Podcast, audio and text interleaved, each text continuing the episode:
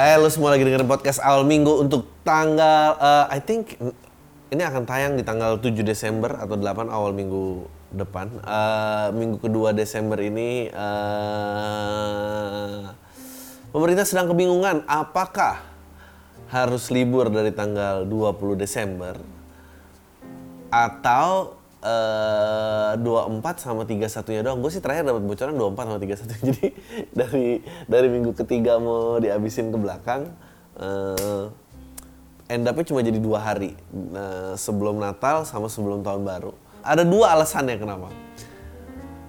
Tadinya kan yang mungkin eh, pengen diliburin panjang karena eh, biar angka penyebaran nggak nambah udahlah orang nggak usah beraktivitas di rumah aja tapi kalau karena sekarang peng, penggiat hashtag di rumah aja udah liburan semua jadi yang ada kalau dibikin libur dia langsung nyebar semua. Nyebar semua dan eh, ekonomi ekonomi lagi membaik. Jadi kalau lihat saham aku ngapain lagi ngomongin saham? Lu nggak ada yang punya saham pasti denger ini. Tak orang-orang miskin kalau miskin tuh susah emang stay di rumah pasti pengennya liburan. Tapi kalau lu punya duit lu gua akhirnya mengerti kenapa eh, orang dan ekonomi tidak bisa dipisahkan. Karena begitu lu punya duit lu kayak oh ntar dulu nih kalau ekonomi hancur repot juga. Gue sekarang kayak wah gue juga sempat kayak oh ya libur panjang eh tapi ntar pikir-pikir eh saham lagi bagus nih kenapa harus diberhentiin orang-orang kerja? Gawat ntar pasti drop lagi gitu. Eh, jadi ya itu gue akhirnya setuju ya eh, I think eh, mata si itu cie waktu wawancara presiden she's being too harsh karena presiden ngejawab bahwa ya orang dan ekonomi tidak dipisahkan. And I have to say itu benar. I have to say itu benar karena eh, kalau menurut lo itu nggak benar either pi- pilihannya dua menurut gua kalau lu nggak setuju sama itu. Either lu eh, beratang datang dari keluarga kaya yang udah tiga generasi kaya yang gua rasa kalau lu punya anak pun juga masih bisa kuliah tanpa lu kerja atau atau eh lu eh, miskin. Tapi lu bukan di tengah-tengah yang you know eh, lu punya usaha kira-kira eh, sudah menyicil menyicil rumah eh, tapi eh, nggak mungkin yang hidupnya nggak mungkin ngandelin warisan tuh lu mungkin setuju mestinya dengan dengan bahwa ekonomi dan orang tidak bisa dipisahkan. Eh, I think that's the toughest thing being a government kayak gitu, jadi ribet gitu. Eh, dan gue merasa bahwa I don't know, do people still care gitu tentang eh, apa namanya penyebaran-penyebaran ini? It, gua nggak, gue juga kaget ternyata it gets so old, it gets old so fast. Maksudnya ya udah gitu orang nggak gitu peduli lagi. Gua sih nggak kaget kalau gue pernah kena corona dua kali, karena emang segitu orangnya nggak tahu. I don't know. eh, yang jelas gue ya gue of course gue nggak bisa mengencourage lu untuk nyebarin virus tapi emang kalau pandemi eh, solusi pandemi itu cuma jaga jarak dan berdoa ya. Jadi ya mau nggak mau lah. Dan gue bukan ngeledek kalau berdoa nggak dikabulin bukan. Jangan sampai dipelintir message-nya. Eh, but you know ada me- ada penanggulangan apa? Nggak ada coy Eh, dan itu sampai di titik di mana sekarang akhirnya orang-orang besar eh, kemarin lucu banget ada memes eh, apa IG story dia bilang eh, misalnya misalnya gue lupa angka pasti berapa. Jadi kayak misalnya eh, 153.245 warga Indonesia menderita corona eh warga Indonesia menderita dan sat- plus satu yang rahasia. Lu, lu tuh gue encourage banget nonton Get Me Roger Stone. Please please please please. Itu namanya eh gue sih udah nggak peduli banget sih orang besar kena kena corona. Itu itu cuma flooding the media doang. Yang membuat berita-berita yang beneran penting itu jadi nggak tersiarkan gara-gara semua sibuk. Apa yang dirahasiakan dari hasil medis itu? Pertama tidak mempublikasikan uh, hasil medis lo itu hak pasien lo. Lo harus ngerti itu hak pasien. Jadi lo nggak boleh uh, maksa orang membuka yang bukan hak lo. Nggak bisa. Kalau uh, itu satu. Uh, jadi ya apakah Adri itu sebetulnya jubah-jubah yang menyamar? Ya itu satu. Ya gue sih tahu kenapa dia ngerahasiain gue tahu karena kalau kalau dia positif dia nggak punya duit untuk untuk nyuruh tes semua umatnya. Berapa subsidinya coy? Gila loh itu ngumpulin masa. Aliran dananya cuma buat nasi bungkus doang makan siang mana cukup buat rapid yang tidak terbukti keabsahannya. Rapid nggak cukup boro-boro swab ya Allah. Itu gue yakin ya kalau ada subsidi aliran dana membuat umatnya dia harus swab gue yakin yang nggak ikut jemput pun nebeng pasti. Kayak eh kamu kenal kan kemarin ikut jemput? Bilang dong saudaranya juga ikutan. Gue mau dong. Gue mau gue mau. Anjing itu budget lengkap bengkak empat kali lipat men. Dana meskipun gue penasaran uh, transparansi transparansi seperti ini gue selalu nganggapnya gue tidak memandang uh, sara gitu suku agama dan antar golongan tertentu saat berkumpul uh, gue selalu curiga saat orang berkumpul itu yang ada di bau-baunya di manufacture ya. Uh, gue gue merasa mereka tuh mercenaries. Mercenaries itu adalah tentara bayaran. Yang gue penasaran adalah uh, budget untuk jadi tentara bayaran sama penonton bayaran tuh sama gak sih di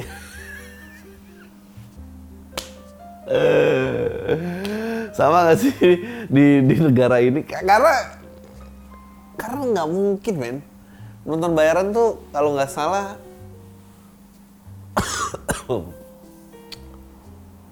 di TV tuh berapa ya? Mungkin sekitar kayak 50 ribu gitu sejam. Lu bayangin aja kalau misalnya ada berapa untuk ada signifikan kalau di Instagram momen gitu kesannya penuh. Uh, di Insta Story nggak di frame padat gitu nggak keluar keluar jalur. Uh, gua rasa pasti ada budget kamera vertikal sama horizontal karena horizontal pasti lebih mahal biar kelihatan lebih luas apa kagak. Uh, coy lu bayangin aja kalau misalnya 5000 satu kepala kalau lu ngumpulin 5 juta orang berapa coy? 500 50 ribu satu kepala, kalau lu kumpulin 5 juta 50 M. Hah? Bener gak gua? 5 juta kan nolnya 6. Tambah 50 ribu nolnya 4. 10 kan nolnya. 25, 250 M. 250 M, gak mungkin. Pasti lebih rendah daripada itu. Jadi kalau mau pilih karir lebih baik jadi penonton bayaran. Karena karena pasti budgetnya lima puluh ribu, yakin gua. Sepuluh ribu kali. Sepuluh ribu ditukar tes swab, gila gak jadi berapa? Who won the pitch? Siapa yang dapat? Gue pengen tahu kalau emang iya yang berinteraksi dengan saya. Ya dia menurut gue dia wajar banget merahasiakan karena biar tidak menciptakan kemanikan massal gitu. Anjing gue mau belain gue seneng sih lu pulang. Gue juga rindu makanya gue mau jemput. Tapi kalau lu positif bangsat. Jadi repot nih. Mau makan siang mana cukup buat sekeluarga. Itu pasti nggak bilang. Lu tau gak sih semua orang lucu adalah menurut gue sih nggak semua orang yang yang ikut jemput itu pamit sama istrinya. Jadi dia nggak bilang gitu dia bolos. Ngakunya kantor tapi padahal ke bandara. And suratnya dia mantau. Surat orangnya dirahasiain tuh dia kayak banget. Kayaknya udah ada bocorannya juga. Pas ngeliat bocorannya bangsat gue harus bilang bini gue deh. Uh, aku kayaknya harus tes nih gitu. Aku harus tes. Kenapa kamu harus tes? Nggak kayaknya orang kantor ada yang ya ampun ya kalau orang kantor uh, minta reimburse kantor. Aduh gimana bisa reimburse kantor? Nggak bisa coy. Nggak bisa. Dia harus ngaku dan dia kamu kamu nih jemput orang padahal eh bilangnya ngantor kamu nggak kasihan sama orang rumah apa semua orang di sini? Ya ampun. Itu akan terlihat tuh siapa aja orang yang berbohong dan eh, ya dirahasiain aja. Eh. terus yang satu lagi pemimpin daerah ini ya ampun.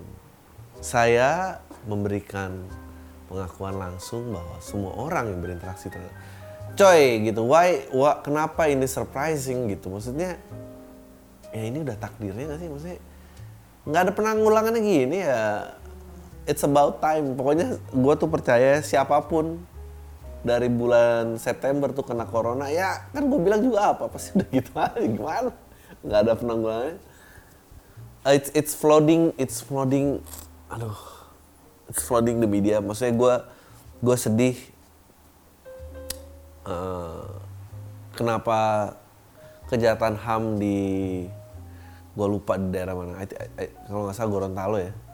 Eh, enam orang korban satu tempat ibadah berapa rumah dibakar Eh, kenapa nggak itu yang naik ke permukaan? Eh, ini flooding the media banget gitu biar semua yang ngomongin ini.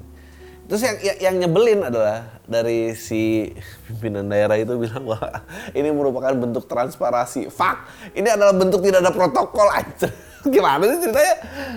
Ini bukan transparasi this is this is madness man. Bentar lagi bakal diborgol orang sih siapa? Siapa coba? Coba lihat siapa eh, anggaran?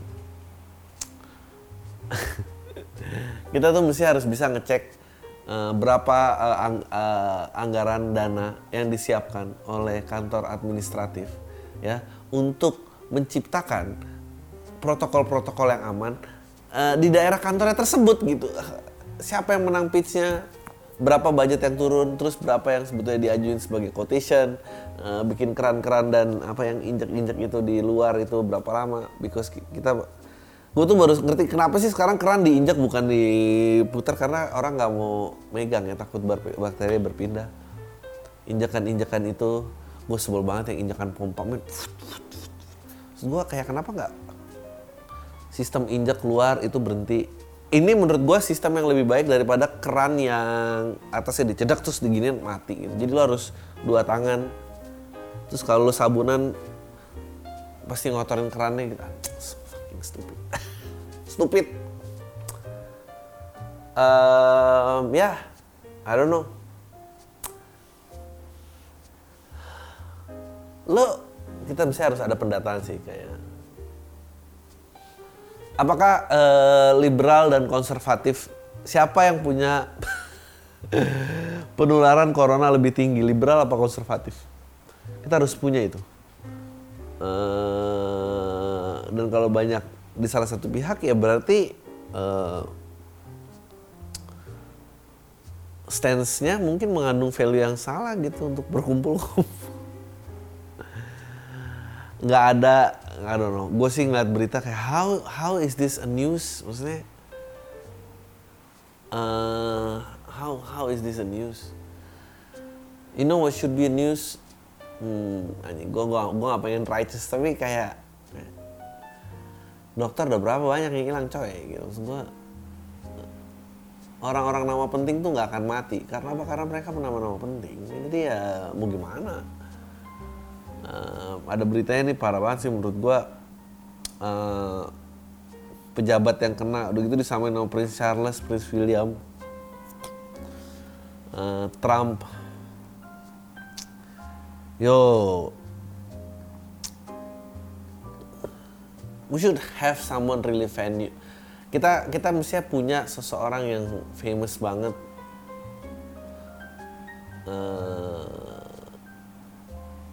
Merekam eh, detik-detik hembusan napas terakhirnya di TikTok. Biar viral anjing gue dark banget. But you know, siapa tahu eh, TikTok crash gitu. Eh, but why ya? Kenapa belum ada yang lakuin ya? Bukannya kalau lu pengen viral dan menjadi eh, KOL, eh, itu posting yang bisa dilakukan ya? Tapi kalau mati nggak nggak nggak guna sih, nggak guna buat ininya. Nggak guna buat fame uh, atau dijual. Oh nggak juga. People would do anything. Gue baru dengar lagi ada wave orang-orang uh, yang mengaku positif biar bisa menuai simpati. Ya ampun mengaku sih biar menuai simpati biar tahu berapa orang yang peduli sama dia. Those people exist man orang-orang kayak gitu tuh mestinya nggak pantas sih. Boleh nggak sih kita kayak gitu-gitu hak pemilunya dicabut? Karena kualitas suara macam apa yang lo harapin kalau dari orang kayak gitu kan gila lo. Lo capek-capek sekolah ih itu itu paling rendah sih. Itu paling rendah dibanding orang mau minjem duit terus nggak jadi. Orang mau minjem duit nggak jadi. Eh orang mau minjem duit nggak jadi. Orang mau minjem duit terus kabur. Itu lebih rendah. Pura-pura pura-pura ini. Ih itu orang itu lebih rendah daripada orang-orang yang uh, ngakunya udah move on punya pacar padahal nggak punya pacar. Lebih rendah itu. Pura-pura positif men kenapa lo nggak sekalian pura-pura kaya aja? Well, ya, but there tapi gue percaya ada sesuatu yang lucu sih dari orang yang sering berpura-pura. Gue pernah dengar uh, orang uh, yang lamarannya nekat nyewa rumah biar besannya berpikir dia keluarga berada gitu. Anjing entrapment mana yang lebih rendah itu apa pura-pura positif? Gue rasa gue rasa sama aja sih. Uh, I think yang satu-satu yang uh, perlu jadi berita dan diangkat adalah uh, mahasiswa yang melaporkan dosennya korupsi kepada KPK dan mahasiswa itu diskors. Gue tuh yang bingung dari hal-hal seperti itu adalah itu waktu rapat dosen nggak ada yang bilang Pak yakin Pak kita yang mau ngeskors mahasiswanya Pak? Gila kali. This is gonna be on the news. This is gonna be on the news. And dan menurut gua uh, mestinya rapat itu direkam. Semua yang menyatakan setuju mahasiswanya diskors itu pasti kotor juga. Yakin gua. Dia tuh deg-degan anjing Tony udah dilaporin lagi kita gimana nih berikut? Itu pasti kotor juga. Yakin gua. Lo harusnya periksa tuh semua orang yang menyatakan setuju untuk biar mahasiswa ini diskors. Nggak bisa kita nih harus mentingkan nama baik kampus. Kritis boleh tapi ganggu status quo jangan. Ah, gila kali. Gila min. That's that's why kenapa censorship itu tidak boleh ada. Kalau lo mau lu digugat ya balas dengan gugatan lain dong. Idea versus idea tapi tapi tapi gue salut juga sih itu mah karena kalau gue jadi teman-teman mahasiswanya gue bukan jadi orang yang kayak ah lo mau ngelapor? Serius lo? Enggak gue enggak lo aja. Gue titip aja gue pasti gitu.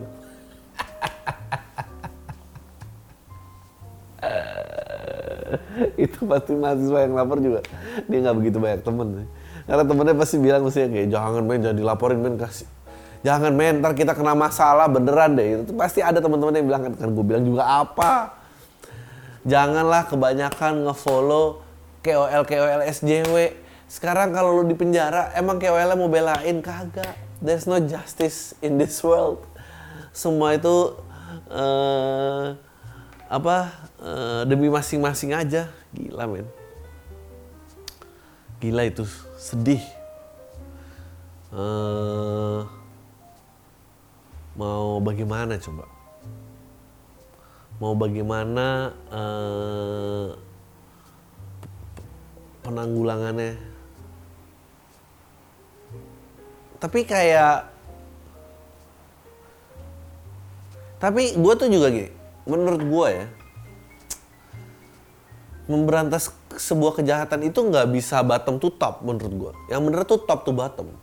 Uh, beda dengan berkarir atau uh, pengumpulan ide atau dengan uh, pengumpulan proyeksi ke mana negara ini itu idenya mestinya bottom to top karena aspirasi yang dibawa yang harus didengar dan dibawa ke atas.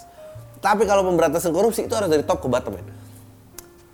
Uh, gue nggak apa-apa loh ngasih tip di uang admin, eh, kantor administrasi gitu apa gini-gini yang pengubahan data diri segala macam lalala karena cepet men dan kelar gue kesel banget yang perlu dipasung tuh yang 2 m ke atas gitu 1 m tapi kalau kayak ya permasalahan biar tolong eh, kartu identitas saya diterbitkan lebih dulu ya boleh boleh aja lah itu mah kecil duit parkir men beneran kalau lo ngerasa sebel sama korupsi-korupsi kayak gitu, lo tuh harus menyejahterakan diri lo dulu makanya. Kok nggak apa-apa men, bener siapa yang mau datang? Siapa di sini coba gue tanya semua penonton di sini. Emang kalian semua tahu kantor camat dan kantor kelurahan setempat kalian semua? Nggak ada men. Yang kayak gitu-gitu oke okay lah. Beneran itu nggak apa-apa. Gue gue support mereka. Gak usah penertiban tuh kayak jangan kasih tip, jangan apa semua pelayanan gratis cepat apa gini-gini. Enggak cepet juga, malah ribet loh. Kalau tapi yang di atas atas itu men, bukan dari bawah dulu baru ke atas nggak bisa men. Rumah kebakaran tuh yang disiram rumahnya men, bukan serumput sekitar. Uh, rumah dulu diselamatin. Kalau rumput sekitar lu ngomong ya kan, tapi rumput ntar di masa depan akan jadi penghijauan yang gila kali nggak bisa men. Rumah dulu, rumah dulu. Lo uh, kalau enggak lu akan selama lamanya ya udah ketrep aja gitu um, that's I think that's the hypocrisy you know kenapa kita berantasnya bottom to top nggak bisa men it's uh, lo mau uh, penyebaran narkoba itu gembongnya dulu apa pemakainya dulu? Gembongnya dong. Pemakai itu pemakai itu harus ada benefit of the doubt di mana dia tuh korban penipuan victim of counterfeiting. Uh, itu juga dalam pembajakan kalau kita membeli pajakan. Uh, aparat itu harus memeriksa dengan praduga tak bersalah. Kalau semua kalau semua innocent until proven guilty, kalau semua kalau lu balik guilty until proven innocent, repot men. Lu nggak akan punya hak privacy, lu nggak akan, lu semua gerak-gerik lu dimonitor, lu beli apa-apa dimonitor, nggak bisa, nggak bisa. Buat pemberantasan kejahatan itu adalah top to bottom, ideation itu bottom to top. Lo uh, anjir ini bagus banget ya podcast ini ya siake kalau gue sampai kena masalah nih lu semua gue uh, ya lu kan apa yang terjadi di Manila gitu. Duterte bikin kebijakan tembak di tempat men. Tembak di tempat berapa sih? Berapa beneran di circulation di circulation tuh berapa? Gak ada resource-nya gak dari pabriknya. Gue actually waktu gue bikin dokumenter di Manila yang nggak jadi terbit itu gue uh, menyaksikan sih kayak dan itu mengerikan gitu bahwa dan gue kebetulan ditemenin sama sama, sama fotografer wah orang ini keren banget temenin sama fotografer yang kantor media yang mau dibredel gara-gara dia menang award memotret korban-korbannya Duterte. Jadi banyak banget keluarga yang menerima mayat tanpa penjelasan. Ya udah gini, nggak bisa men. Orang salah tuh harus ada proses pengadilan, tidak boleh tembak di tempat. Kecuali ada proses pelarian diri atau ancaman jiwa terhadap aparat. Lo dan berapa sih duit yang lo berantas di jalanan? Nggak ada. Buktinya nggak pernah ada gembongnya ditangkap. Itu, itu gila banget men. Dan gue gak tau, mesti dia udah mau pemilu nih, udah mau berakhir. Karena lu bayangin kayak uh, dan dia kayak medianya bilang uh, pakai sentimen bahwa dia presiden yang anaknya meninggal karena drug overdose makanya dia pengen membatas drugs. Coy most likely orang yang menyebarkan drugs tuh works in the same office lo sama lo bukan yang di jalanan yang di jalanan tuh apa? Victim innocent until proven guilty. Bukan guilty until proven innocent. Repot men lo kalau itu namanya lo pakai praduga bersalah. Pakai praduga bersalah sih keluarnya ribet banget. Kalau repeat offender iya oke. Okay. tapi kalau first time first timer kan selalu boleh ya. Yang ke game selingkuh ya aku baru sekali kok ini. Yang baru sekali pijet. Excuse excuse sekali. Anjir lah. Uh, I think it's uh, 25 minutes already. Uh, gua I'm, gonna continue to the questions, to the questions. Kita lihat ada keresahan-keresahan apa. Uh, bagi lo yang mau email, please uh, keep it short. Uh, jangan masalah nggak tahu apa gitu kerja atau kuliah. Uh, ya yang kalau nggak punya duit ya kerja lah gitu. Kalau masih punya duit ya kuliah, nggak apa-apa kok. Uh, jangan yang kayak gitu-gitu. Uh, relationship boleh. Uh, perempuan lebih diutamakan karena semua laki semua laki dongo-dongo lagi. Uh, apa? Eh ya email aja ke podcast awalminggu@gmail.com. Oke, ini yang pertama. Ini ini ini gue ngekip ini dan dia seru banget karena dia mempertaruhkan nyawanya untuk mengirim email gini. Uh, nih, gara-gara minggu kemarin lo bahas pajak, miras dan korporasi industri, gue mau pilih, gue mau spill nih bang, gue petugas pajak dan gue mau spill aja borok-borok pemerintah dan korporasi Indonesia dan kenapa kepatuhan pajak kita rendah banget. Lo inget nggak nih? Lo inget nggak pernah ada UU e-commerce baru sehari berlaku langsung dibatalkan sama Bu Menteri bilangnya sih karena terjadi terjadi kesimpang siuran di tengah masyarakat. Padahal mah karena ditekan korporasi besar aja, iyalah lobby lobby coy. Uh, di satu contoh yang besar adalah ada banyak nih aturan-aturan lain yang menimbulkan potensi pajak yang besar atau para pengusaha dan langsung dibatalkan dan tidak jadi disahkan karena mereka tinggal ditekan sana sini. Cuma terlalu kompleksnya buat gue bahas, ya kan? Si yang neken suara rakyat itu tidak didengar. Kalau yang receh-receh nih bang, ada pejabat daerah yang diblokir rekeningnya karena nunggak pajak. Apa yang terjadi dia ngamuk-ngamuk di bank dan re tempat rekeningnya diblokir terus ngancem-ngancem mau tuntut banknya. Tapi dia nggak berani ribut di kantor, ujung-ujungnya sama rumah petugas pajak yang terlibat sama tunggakannya berantaknya orang-orang tidak kenal. Terus pas pada mau nyalon-nyalon jadi gubernur dan wali kota pas dan segala macamnya sekarang ada persyaratan nggak boleh punya tunggakan pajak ya bang dan itu lucu sih. Mereka akan mendiamkan tunggakan mereka 2 sampai tiga tahun mungkin sekitar beberapa ratus juta setiap ditagih ngelasnya nggak punya uang nggak ada cash flow tapi pas mau nyalain udah dilunasin ya atau nunggu kebijakan pelunasan pajak ya. Terus ada perusahaan yang dipaksa ternyata diperiksa ternyata mereka ada avoidance dan harus bayar sekitar beberapa miliar bukannya bayar ya bang malah ada oknum nelfon petugas dan nawarin mutasi ke kota besar atau ke kota tempat tinggal keluarganya yang berarti sebenarnya perusahaan ini dipegang sama seseorang yang punya akses di pejabat pemerintahan dirty semuanya pasti dirty. Top to bottom ya lo kalau mau berantas. Another case, ini sering sekali terjadi. Misalnya kita mau blokir tentang seseorang yang punya utang pajak, terus kita tahu dia punya rekening di ABC, kita harus ke bank dulu untuk ajuin surat blokir rekening blokir proses 1,24 jam.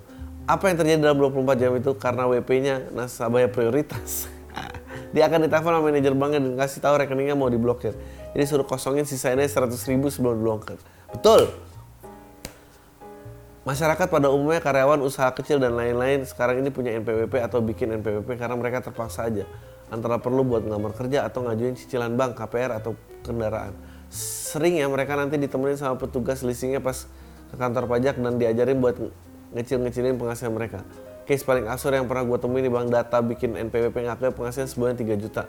Terus diproses sambil diajak ngobrol buat apa NPWP-nya? Buat nyicil truk cicilannya 9 juta gue pengen pentokin palanya ke meja. lelah sih bang gua bahas gini-ginian di satu sisi kita diterit terus karena target nggak tercapai tapi di sisi lain the government uh, sama korporasi juga nggak ada support kerja sendiri udah kayak di DPJ gua amazed banget sih emang sama IRS yang bisa dengan mudah dan mutlak terkait pajak dan warga negara US emang masalah perpajakan di Indo sistematik banget sih. Mulai dari nomor KTP yang suka ganda-ganda nomor DPJ yang nggak punya juga nggak punya akses gitu ke bank. Kalau di US kan mereka ada SSN dan semua pergerakan keuangan lu pemerintah lu tahu itu sih yang buat kepatuhan pajak kita rendah banget. Oh ya ditambah lagi nih bang, uh, tambah lagi mbak banyak masyarakat yang mabok, oh sampai kukuh bang, sampai kukuh banget kalau pajak itu haram. Sering banget gue gua ketemu orang yang pas daftar NPWP ngamuk-ngamuk dulu pakai bawa tafsir mau ambil utangan di bank pajak no riba yes iya masalahnya gue pengen sembatnya orang kayak gini tapi lama-lama teman gue non petugas pajak ini udah malas kalau gue cerita gini-ginian. Yang ada mereka malah tambah malas bayar pajak. By the way ntar, ntar gue ketahuan gak ya sama kepatuhan internal kantor gue uh, gue nggak sebut apa apa sih kalau perlu disensor aja bang. Emailnya hapus aja. Uh, buat seluruh kolam tai jangan lupa bayar pajak dan lapor SPT-nya uh, eh, NPWP-nya jangan dipakai buat ngutang doang. Biar gua nggak sia-sia bertarung ngirim email bertaruh nyawa ngirim email begini. Wah gila. Hebat ya profil-profil pendengar podcast awal minggu nih. Oke. Lanjut. Ya itu yang kan sering. Maksudnya emang harus potong generasi sih. Uh, but then again you will find a way. Tapi lo nggak boleh nggak optimis ya.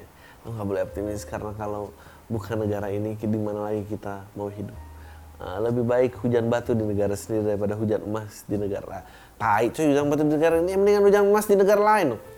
Uh, halo saya pendengar pam dari Tuban Jawa Timur. Saya mau cerita mas sekarang ini saya sudah sedang skripsi dan kalau lancar Februari sudah sidang uh, waktu perjalanan ngerjain skripsi beberapa kali mikir kalau ntar setelah lulus kerja di kota asal dan tinggal sama orang tua atau kerja di luar kota dan hidup mandiri karena sejak pandemi saya kembali ke rumah dan di mana saya harus membantu orang tua kerja jaga toko dan ada usaha penggilingan gabah. Oh. Banyak waktu bersama teman-teman saya yang hilang seperti berapa kali libur atau sekedar nongkrong karena saya harus bantu orang tua. Terkadang saya juga merasa iri dengan teman-teman saya yang bisa main kapan pun karena kerjaan orang tua yang tidak pernah libur meskipun weekend ditambah sifat bapak saya yang semi otoriter dan gampang marah. Kadang ada momen di mana saya mau ajakin ribut bapak saya tahu cuma masih bisa ketahan karena saya uh, punya emosi. Hiburan saya nonton stand up digital dengan podcast sama game online. Oh ya saya udah nonton show-nya dari Mas Adi dua-duanya keren mas menurut Mas Adri setelah lulus mending kerja di luar kota dan mandiri atau kerja di kota asal dan tinggal sama orang tua ya mas. Mungkin mas Adri ada pesan buat orang atau anak-anak yang mungkin mengalami situasi yang sama seperti saya.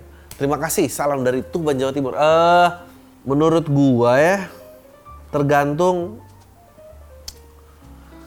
tergantung orang tua lu tuh kritis apa. Uh, I think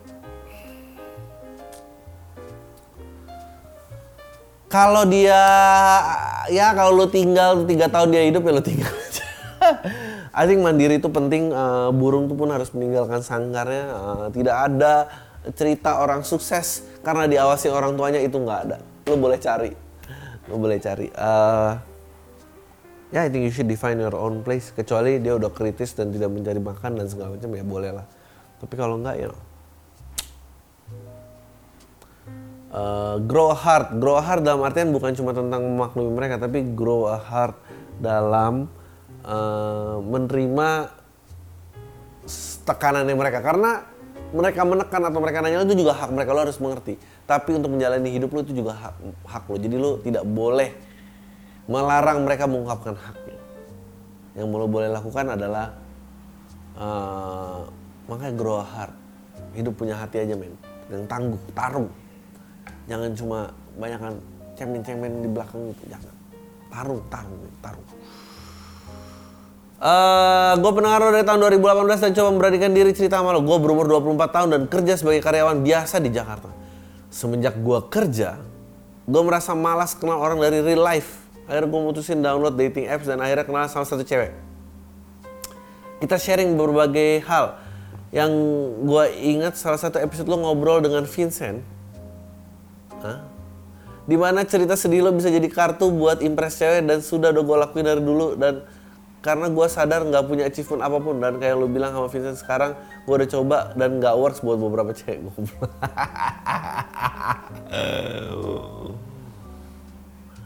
Singkat cerita gue ngajakin dia ons, ons apa sih? Eus ya, Eus ons. Tapi dia nggak mau dan dia juga nggak maksa dan gue nggak mau kalau nggak ada konsen.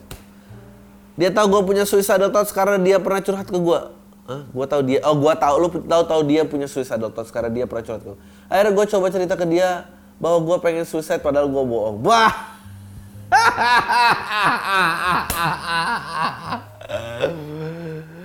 dia telepon dan coba ngebujuk gue jangan buat ngelakuin hal itu dan dia pernah ngalamin yang sama. Dia juga bilang mau ketemu gue dan bakal bersedia ons kayak gue minta sebelumnya asalkan gue nggak ngelakuin hal itu. Goblok. Goblok. Lu tuh serendah-serendahnya umat manusia. Pertanyaan gue bang, apakah gue punya kecenderungan psikopat karena gue gunain vulnerability orang buah itu tujuan tercapai? Se Enggak, lu nggak psikopat. Psikopat itu lu lahir sebagai psikopat. Enggak, lu tuh sosiopat. Jadi lu lingkungan yang membuat lu seperti itu atau keputusan lu membuat lu menjadi orang gila. Iya, lu punya lu menggunakan uh, kesedihan untuk mengundang orang. Lu Nah, apakah gue termasuk rapis karena doyo? Enggak, lu bukan rapis, lu uh, manipulatif aja. Sorry bang kalau ceritanya nggak jelas ini yang ya, ini yang epic nih. Sorry ceritanya kalau ya sukses terus buat podcastnya God bless you. Cuy, lu baru lu baru mengarang cerita ngajak orang tidur ngaku-ngaku suicidal ya. Terus God bless you anjing lu. Coy, ini email udah lama. Ini,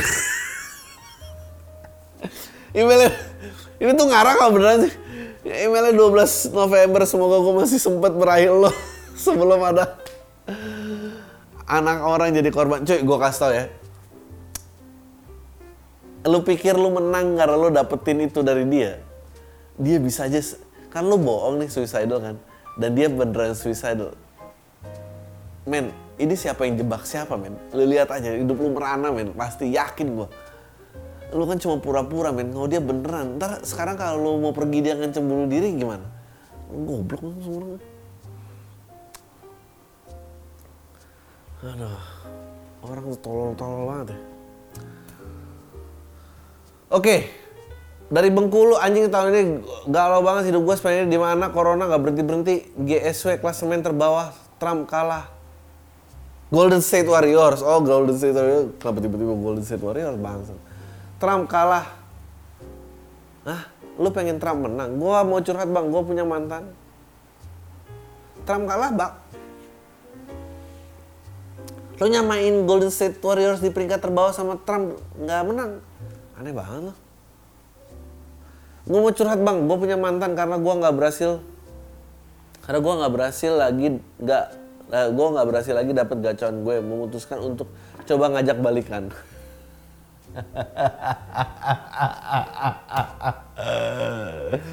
Jadi corona, lu mau ngedeketin gebetan lo nggak berhasil dan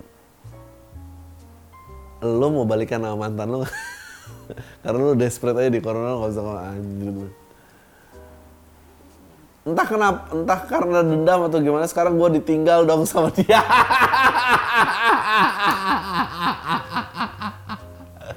ya that's what you get.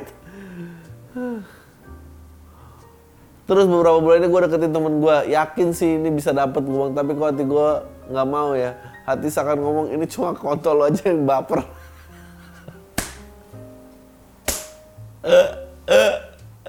Bener bener. Hati lu bener dan sampai sekarang kagak gue lanjutin. Gimana menurut lu bang? Apa gue FBB-an aja sama dia? Cia soalnya gue takut. Soalnya gue kalau pacaran takut putus bang pas like, masih kuliah lah. Takut tugas gue siapa yang ngerjain lagi. Aduh. Aduh. Aduh. Cuy gue doain lu kena corona cuy. Beneran cuy. Lu nggak ada manfaatnya di society ini. Ya Allah ya Allah sama satu lagi bang udah salah satu lagi bang orang yang udah kaya terus ngomong duit itu kan bukan sumber kebahagiaan. Anjing lu pada belum pernah makan. Belum pernah kan lu pengen bing, pengen BO tapi bingung duit dari mana. Mana sekarang corona mau gerak dikit takut dua minggu batu-batu gini. Gue berharap gue bisa kaya walaupun corona gini. Nggak ada gue berharap lu corona sih. Wow ini gue gue dapet email uh, gue dapet email eh, satu mempertaruhkan nyawa untuk mengungkapkan keadilan tiba-tiba dibanding sama dua eh, cuy lu kalau lahir zaman nabi tuh lu ahlak pertama yang diruat men sumpah cuma ngurusin dua lu doang tuh buat ngurusin ahlak uh. goblok goblok. Oke, gue suka banget sama podcast itu karena gue tahu nggak terlalu nggak selalu lucu dan ekspektasi gue nggak jatuh gitu kayak nggak mengharapkan setiap lucu tiap minggu ya brengsek. Eh gue mau nanya pendapat lu, gue udah 20 tahun dan baru pacaran sekali pacaran pun gak berkesan. Gue tau mantan gue waktu itu bosen karena sebagai cowok waktu itu belum pernah pacaran, gue bingung sebingung Nah bagaimana kita pacaran yang baik dan benar. Uh, dan kita nggak pernah ketemu karena beda sekolah dan jadi cuma via chat dan do. Iya Allah cuma via chat doang all the time. Putus dengan alasan kamu terlalu baik padahal gue tahu dia bosan dan sampai sekarang masih nyesek gue sebagai cowok kayak fail gitu. Iya fail. Dengan kena corona lu punya cerita. Dude like yang tadi tadi ngaku corona aja lah biar nyumbang simpati eh eh eh eh. Mungkin mungkin itu cara yang baik ya. Buat lo yang pengen tahu harga lo dalam pergaulan itu gimana coba post di sosial media lo kena corona. Berapa orang yang ngasih simpatinya kalau sedikit ya berarti emang lo nggak penting sih di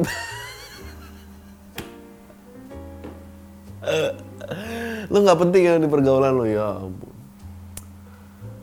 Uh, eh, gue mau tanya bang, gue jangan buat kayak para newbie yang belum ngerasain pacaran, pacaran gagal buat ngebagian pasangan gimana? Karena kesannya bukan pacaran doang, tapi cuma nambah-nambahin mantan doang.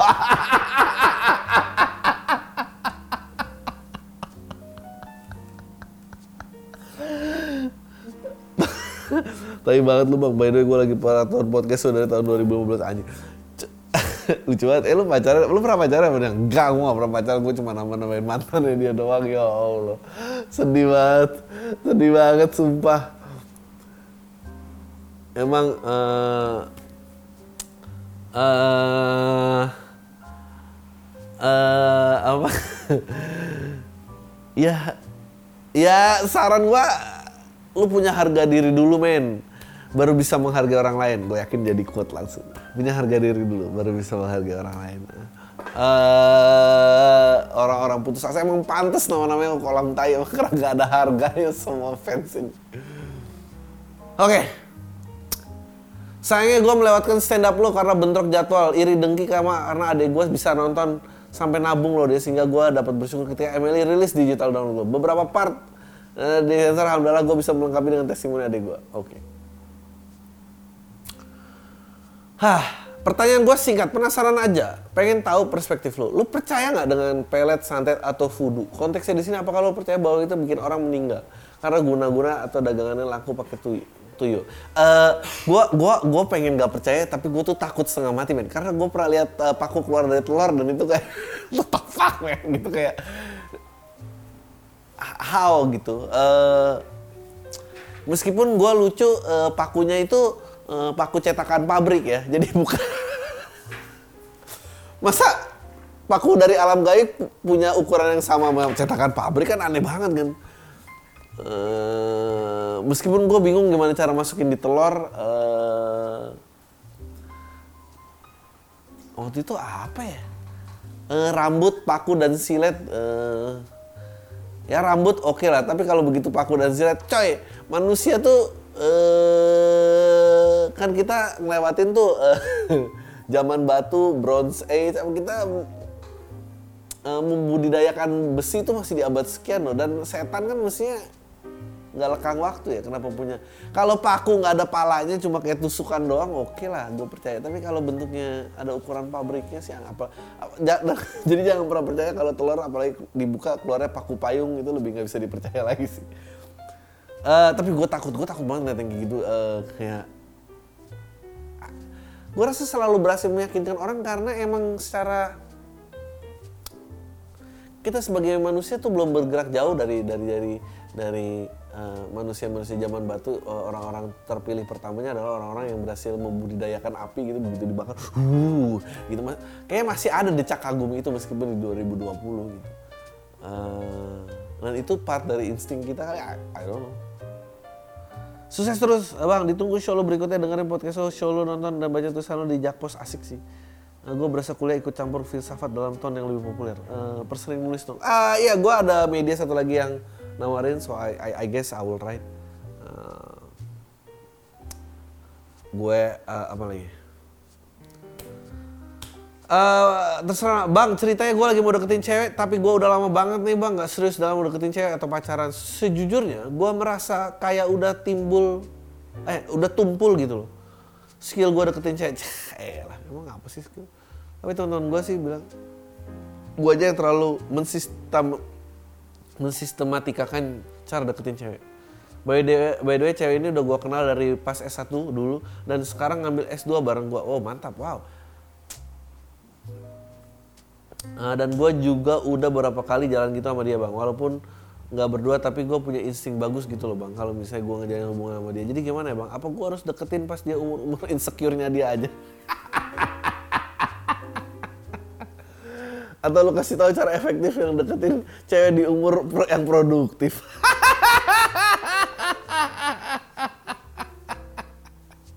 ya kalau saya mau dikit, uh, deketinlah di, di atas umur 28 di mana dia udah mulai worry gitu di mana perempuan udah mulai uh, ngejajarin temen gengnya dan dia kayak anjing dia udah nikah dia udah nikah udah nikah. Gue nggak boleh jadi terakhir. Nah itu biasanya lebih gampang tuh masuknya. Uh, eh, gue dulu punya joke uh, cewek milih pasangan menikah tuh kayak mau ke kantor tapi harus nyetop taksi gitu. Lu kayak telat ke kantor tapi harus nyetop taksi. Ya dulu sih awal-awal pengennya Bluebird Express tapi kalau Eh, nggak uh, penuh terus ya taksi sepakat juga boleh lah. Ya udah gitu. Terus lu ke trap di dalam taksi kayak Neng kok mau sih naik kamu yang gak jelas gini. Ah dulu juga yang jelas aku yang jelas juga nggak tahu mas nyetir ke arah mana. Udah mendingan yang ini aja saya sampai tujuan lah kayak gitu. Tuh lo kalau mau uh, lu kejar yang kayak gitu. Um, tapi kalau dalam urusan produktif ya lo harus bisa lebih tinggi daripada dia sih. Lo harus lu harus lihat apakah persaingan lu tuh berat apa enggak gitu. Um, um, I think the best way to it's to be straight gitu untuk kayak eh gue uh, keluar yuk gitu let's let's go out. Uh, but I don't wanna gue gak pengen keluar ini kita sebagai teman. Uh, gue pengen lihat possibility-nya lu berminat apa enggak and belajar menerima penolakan di awal aja dan move on gitu daripada udah investasi tarik ulur tarik ulur. Imajinasi lo bermain sendiri. Uh, padahal dia nggak suka-suka banget sama lo uh, itu lebih capek menurut gue oke. Okay. gue kirim ini. Tanggal 4 Nov kalau udah ternyata lo bacain pas ngejalin hubungan ternyata pas lo bacain email ini gue udah ngejalin hubungan sama cewek Amin dan gue ternyata masuk kalau terus sesuai lo ngedoain podcast ha I swear bang, gue posting rekaman lo dibaca semua sosmed gue dan gue tag nih cewek. Uh, ya, yeah, well, uh, ini akan keluar di 7 Desember. Hopefully lu udah pacaran uh, tanpa harus menunggu perempuannya di umur-umur desperate. Uh, ya, ya, ya, gue mau gue mau denger update nya. Dan tag ceweknya, uh, kalau lu udah pacaran, uh, selamat. Uh, uh, berarti nggak perlu apa namanya nggak perlu nunggu orang desperate. Uh, Oke, okay. saya mau tanya.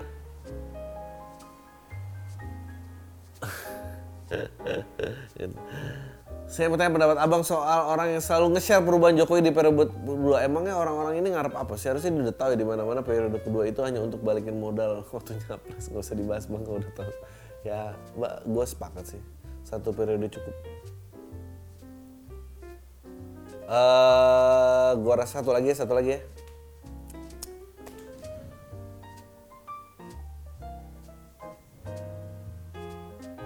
Uh, bang, lo dan teman kerja lo, Tretan dan Coknya sering bercanda tentang dark humor contohnya kelaparan di Afrika. Gue personalnya oke dengan itu dan ikut tertawa. Tapi dari sisi lo masih peduli gak sih bang? Bang, maksudnya apa? Peduli kelaparan di Afrika? Biasa aja sih. Uh, I don't know. Oke. Okay. Kenapa ada yang nanya earphone yang bagus under sejuta apa bangset? Oh, lu pikir ini review gadget tuh? Oke. Okay. Ini perempuan apa lagi sih nggak tau. Gua mau nanya nih bang, kalau pacaran tuh kata-kata andalan yang sering doain cowok tuh kan, iya nggak apa-apa sayang supaya cewek lu nggak bete. Tapi kalau sebenarnya lu tetap bete, tuh solusinya gimana bang? Di situ kita jadi males juga kalau digubris jadi ribut makin rebek. Di situ keselnya menendam kalau misalnya iya nggak apa-apa saya lama-lama ngebatin lo iya ngebatin lo yang nggak apa-apa kan jadi berapa ke depannya gimana bang alternatif solusi ya tetap adem ayem tapi selain putus bang soalnya gue tipe-tipe yang susah dapet cewek.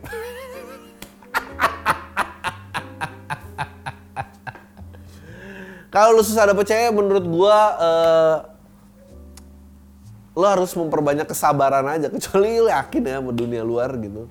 Uh, baru lo boleh mengeluarkan ego lo. Ini sel ini tuh selalu uh, perbandingan antara kayak uh, pada saat lo mau pindah oke okay, ini gue kalau pindah gue dapet yang lebih baik apa emang udah gue mentok sampai sini doang gitu. Uh, dan menurut gue gue nggak percaya sama orang-orang yang yang muka dan pencapaiannya terbatas gitu. Uh, selalu pengen ngadu hoki lagi gitu. Jangan men. Kadang uh, bersyukur itu penting. Jadi kalau emang udah dapet apalagi ini kalau lu bawa ke orang tua lu dan orang tua lu sampai kaget gitu. Kalau orang tua lu kaget sama yang lu bawa itu berarti orang tua lu sendiri berpikir lu tuh nggak pantas dapet yang gitu. Jadi kayak oh udah alhamdulillah banget anak gua dapet gini. Gitu. Ah udah itu aja. Dari gua Taylor semua. Deh